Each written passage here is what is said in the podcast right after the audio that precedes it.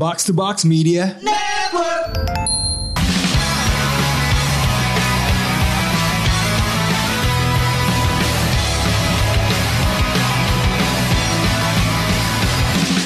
Si Isau Si game yang Isau penuh game. air mata. Lo anda kenapa tiba-tiba nyanyi lagu si Isau Game? Nggak tahu tiba-tiba saya tuh kayak lagi rindu JKT48 aja pak. Udah lama saya nggak teateran gitu kan. Oh, katanya Anda sudah tidak mengikuti lagi sekarang. Ya karena tidak mengikuti, pertama karena pandemi sih. Ah. Hmm, biasanya kan saya ya icip-icip sebulan adalah datang lah ke teater Iya. gitu. Absen lah, absen aja, absen nambah-nambahin kehadiran saya gitu kan. Oke. Biasanya tuh saya kalau lagi capek abis kuliah dulu gitu kan. Eh dulu sekolah sih saya nonton teater tuh paling sering pas masih sekolah gitu. Ah, Terus kuliah kalau capek ya eskapisme saya tuh nonton JKT48 gitu. emang eskapisme ini. Iya, ngomongin pelarian saya lah dari dunia-dunia yang Ah. Tapi Anda ikutin gitu kan. generasi 11 gak? Gen 11 nggak ngikutin saya. Ya, berarti emang bener-bener. Saya kan udah- pokoknya tuh pas eh, Selin Tanzihui itu the one and only OSI saya graduate, saya sebenarnya sudah tidak Tan Zuhui, asik kan? Tanzihui ya. Eh, saya udah berjanji kalau dia itu OSI terakhir saya gitu. Anjay. Jadi ya sekarang saya kalau nonton JKT48 nonton aja gitu, nonton musik-musiknya aja gitu. Anjay. Tapi ngomongin eskapisme lah nih. Ini kan memang di dunia kita yang semakin eh, gelap ini gitu ya. Semakin bikin resah umat manusia Iya, gitu. Ini bukan kita yang bilang gelap ya, Pak Jokowi. Pak Jokowi yang bikin orang gelap. Ini dari presiden kita yang Dari presiden bilang itu. gelap gitu. Informasi A1. Informasi A1 gitu. Jadi ketika dunia semakin gelap, manusia banyak yang gelisah, Iya, ya. banyak yang hampa gitu kan. Mental health di mana-mana gitu. Hmm.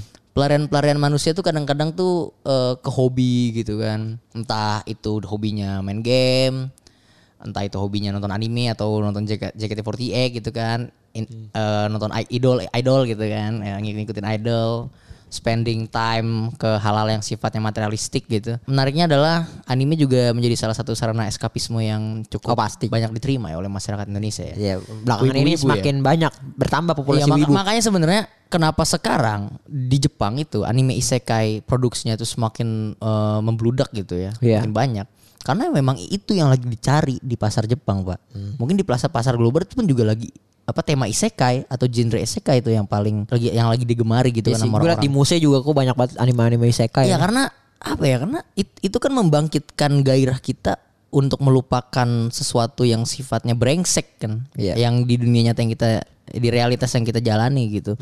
Dunia ideal lah. Dunia ideal. Kalau kata iya, musuhnya iya. di movie Naruto tuh. dunia ideal ya kan. kalau kata Madara itu dunia Oh, iya, ideal tuh ideal. isekai itu kan Isekai. ketika Madara, Madara. lu lu bisa menjadi apa pun di isekai itu kan Iya. dan di- itu diproyeksikan melalui anime melalui karakter animenya gitu dan lu merasa kayak eh, enak banget nih hidup di sini gitu kan Iya, menghabiskan waktu lu nonton itu akhirnya membuat lu meng- mengandai-andaikan gitu Iya. Kalau saja, kalau saja. kalau saja seandainya saja. seandainya, Seandainya. gitu kata-kata justifikasi itu yang membuat orang-orang tetap hidup gitu kan Betul betul. Eh, ya walaupun dunia sedang gelap kata Pak Jokowi gitu kan. Tapi alhamdulillahnya eh, Anime Indo- berusaha eh anime menjadi lampu. menjadi lampu penerangan ya. Terang. Penerangan. Iya. Luar biasa memang anime ini. Anime. Ya kita bisa melihat ya, alhamdulillah kita tidak seperti Jepang. Ya. Ya alhamdulillah. Kalau dunia semakin gelap, angka kematian semakin banyak. Angka Iya, bunuh diri populasi sebenarnya. berkurang. populasi semakin berkurang. Ekonomi tidak produktif. Ekonomi tidak produktif, eh, populasi mengikis gitu Mengikis. kan, Eh, segala macam ma- ma- krisis sosial ada di sana gitu. Iya. Tapi ini menarik loh. Kemarin tuh kita nggak sengaja membicarakan suatu hal, cerita-cerita di anime gitu yang kadang-kadang membawa persahabatan, narasi-narasi gokil yang kebersamaan. Iya. sangat ke kebersamaan kekeluargaan. Itu ternyata kalau kita melihat sisi nyata atau sisi asli dari Jepang tuh mereka malah tidak menampilkan itu ya gitu ya. Ya, malah sebaliknya. Iya malah itu menjadi sarana eskapisme juga gitu kan. Hmm. Masyarakat Jepang tuh melakukan eskapis dengan dengan menaruh cerita-cerita yang ideal itu di anime gitu. Iya betul betul. Bukan di dunia nyatanya gitu Ya, kan. itu dikonfirmasi sama Bung Tian ya kemarin ya. Kita Iya, sudah Bung Tian. mencoba bertanya gitu kan. Ternyata Bung Tian juga apa meng- apa dia justru dia yang kasih tahu kita gitu. Hmm. Anime itu sebenarnya tidak menggambarkan sosi, apa keadaan sosial di Jepang yang sebenarnya gitu. Iya. Itu apa malah sebaliknya gitu. Jadi kan kalau di China eh di China tuh. Di Jepang itu kan orang pun kalau sosialisasi gitu orang nggak kenal apa manggil temennya gitu di jalan gitu misalkan. Oi oi oi oi gitu kan biasanya. Oh iya. itu itu hanya di anime ternyata. Di Jepang tidak ada. cemet, itu. cemet gitu. Iya, cemet, cemet, cemet. Cemet.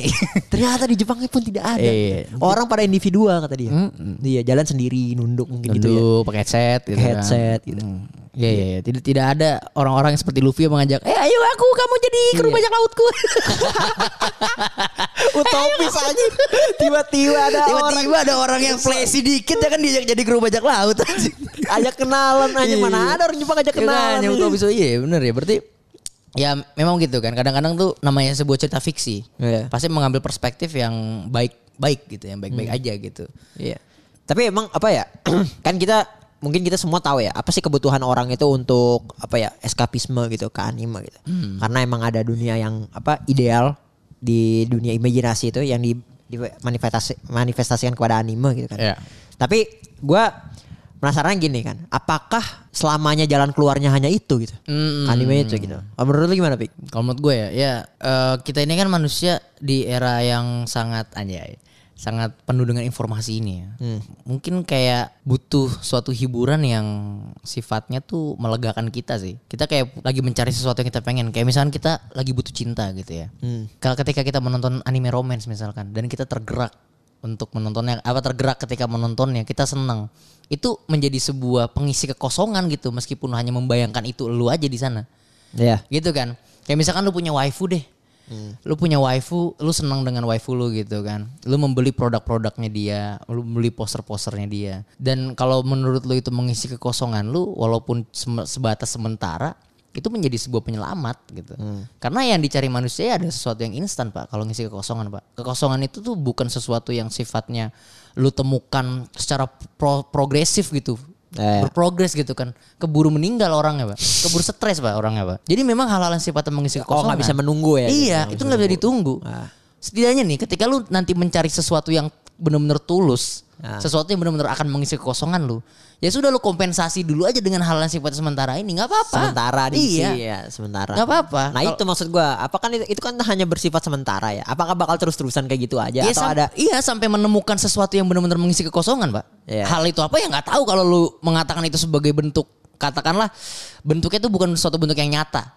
Bentuknya misalkan ke- masalah ketuhanan gitu kan, Hmm. Iya. agama. Ya udah berarti kan sampai lu menemukan agama gitu. Iya, iya. Atau kalau sifatnya bentuknya materialistik ketika lu mendapatkan sebuah barang gitu, misalkan lu dapat PS5 gitu, lu senang dengan dan mengisi kekosongan lu, ya itu. Artinya pengisi kekosongan, sisa-sisanya yang sebelumnya, yang kayak misalnya tadi lu nonton anime, lu menghabiskan waktu untuk eh, nontonin waifu lu, nonton JKT48 misalkan gitu kan. Eh, beli beli merchandise idol lu gitu. Itu biarin aja menjadi kompensasi aja. Kenapa? Karena itu menyelamatkan lu ketika lu dalam keadaan yang benar-benar hampa, Pak. ya at least eh, alasan orang Jepang untuk hidupnya ada lah Ya ada gitu. Menurut gue bagus ketika hal-hal yang sifatnya material gitu ya, yang hal sifatnya yang akumulatif, mengeksploitasi kita sebagai manusia. Iya. Tapi selama itu bisa membuat kita bertahan hidup sebenarnya nggak ada masalah gitu kan. ya intinya kan kita terus hidup Iya intinya itu kita terus hidup, bisa survive gitu. Suatu saat lu menemukan sesuatu yang menyelamatkan lu, mengisi kekosongan lu itu adalah bentuk keberuntungan lu, Iya. ya kan? It- Iya. Itu aja sebenarnya sih yang dicari. Jadi sebenarnya ya memang anime ini sebagai saran eskapis bisa gitu, nggak masalah.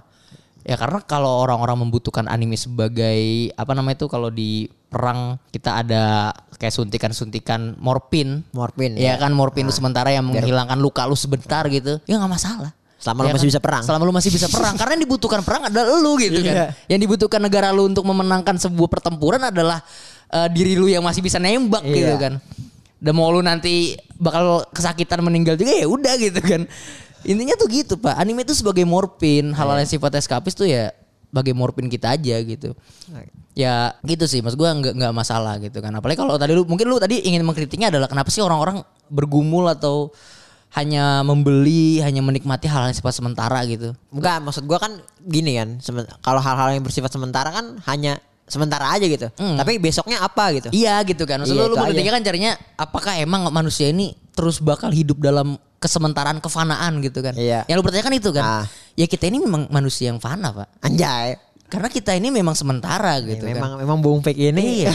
kalau sudah masuk filsafat Sesuatu yang sifatnya hakiki, yang sifatnya eternal itu kan cuman dalam batas metafisik doang gitu kan. Iya. Kita manusia yang bentuknya fisik ya sementara. Cara kita untuk menuntaskan kesementaraan kita adalah dengan hal yang sementara gitu kan. Kalau kalau kita sudah men- mencapai sesuatu yang penuh gitu, living to the fullest, itu artinya kita sudah menemukan sesuatu yang satu.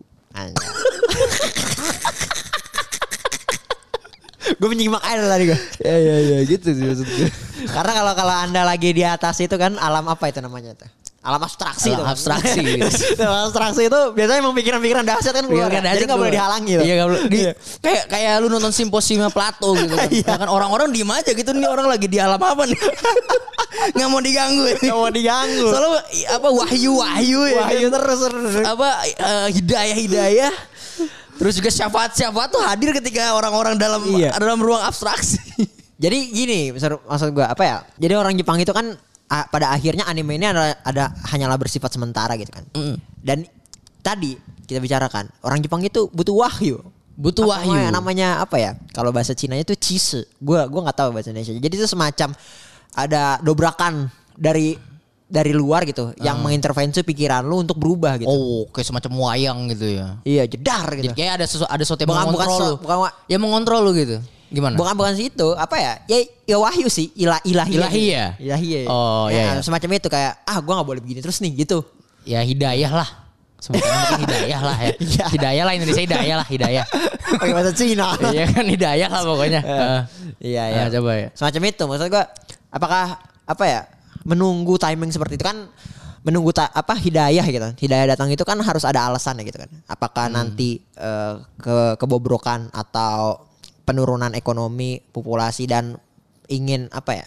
Eksistensi Jepang terancam itu akan menjadi titik balik orang-orang Jepang gitu kan. Oh iya iya, Makanya- ya mengerti mengerti. Iya. Iya. sih maksud gua ketika sense of crisis itu udah muncul gitu. Sense ya. Biasanya Iya, jadi biasanya- saat ini orang-orang Jadi, Jep- iya. orang-orang Jepang itu apa ya sense of crisis Belum ada. untuk apa eksis di masa depan Belum gitu. ada. berlanjutnya belum ada Iya. jadi dia ya udah bertahan untuk hari ini Iya makanya eh, itu benar-benar sepakat gua. Jadi karena memang mereka sudah dipenuhi dengan dinamika kehidupan yang menyiksa mereka ya. Hmm. Jadi memang tidak ada pemikiran bagaimana cara mereka untuk bisa survive di masa depan memang. Iya. Mereka berpikir bisa makan hari ini apa gitu kan. Hari ini bisa makan apa gitu. Iya, jadi kita Hari ini- mikirin orang Jepang ya Iya, jadi hari ini hari ini kita menghibur diri kita dengan apa gitu kan.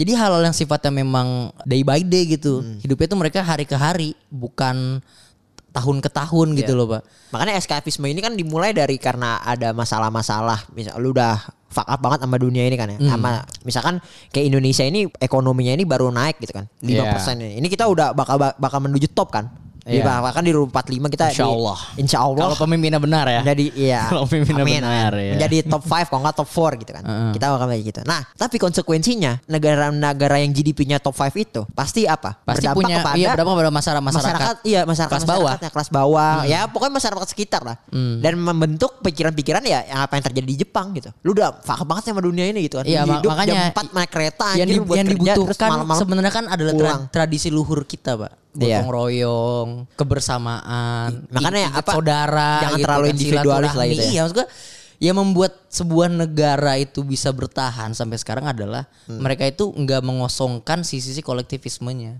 betul kolektivitasnya gitu. Karena itu yang menyelamatkan negara gitu loh. Iya, iya, iya. Karena artinya ada apa? Kekayaan. Orang yang kaya itu jangan menumpukan uangnya ke orang-orang kaya doang, Hmm. tapi puterin juga duitnya ke orang kayak UMKM ke mana gitu Iya. loh. Yang dibutuhkan kan sebenarnya kan itu kan.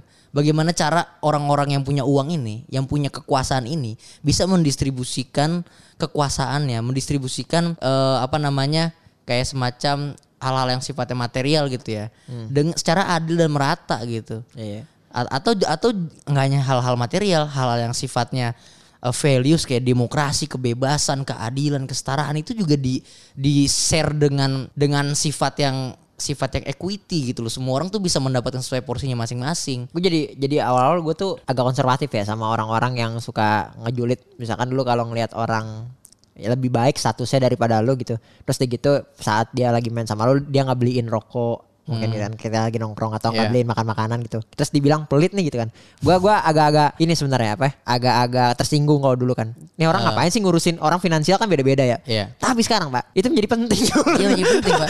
Makanya iya, sebenarnya gue mikir Iya, Pak. anjir itu julit-julitan itu seenggaknya mendorong kita untuk memberi gitu kan. Iya pak, gue gue tuh apa ya? Kadang-kadang tuh itu walaupun iya gue pas ngeliat case ya kan apalagi gue study gue study di Asia Timur ya kan Iya, yang, yang jelas banget ya gitu kan. jelas banget individualnya kayak individual apa lah. Gue Itu yakin duit lu mandek pak berasa pak duit mandek pak Gue yakin lu bertamu di Asia Timur. Itu Ya. lu, lu cuma dikasih minum anjing. Iya. dikasih makan, Bos.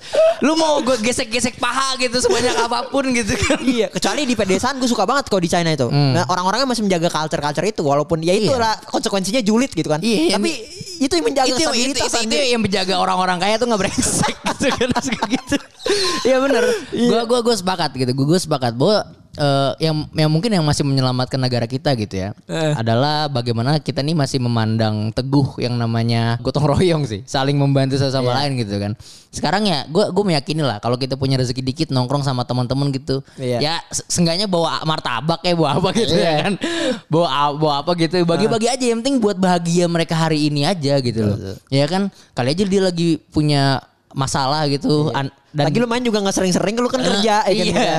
Dan juga ya misalkan kayak lu ketemu temen bawa makanan ya mungkin dia seneng karena hari ini dia tuh nggak ada apa namanya hiburan tuh lagi tamat gitu kan anime udah tamat dia nggak punya sarana eskapisme lagi ya lu ajak ngobrol aja gitu Iya, dengan ngobrol. martabak. Itu sih paling penting Iya paling penting Ngobrol, itu. Orang-orang Jepang tuh meskipun meskipun anime tuh menginisiasi hal seperti itu gitu ya kebersamaan kekeluargaan persahabatan tapi mereka hanya mem- memantapkannya melihatnya tuh itu hanya sebatas sebagian hiburan gitu Betul. karena kenapa? Karena ya karena mereka sudah disibukkan dengan realita yang ada.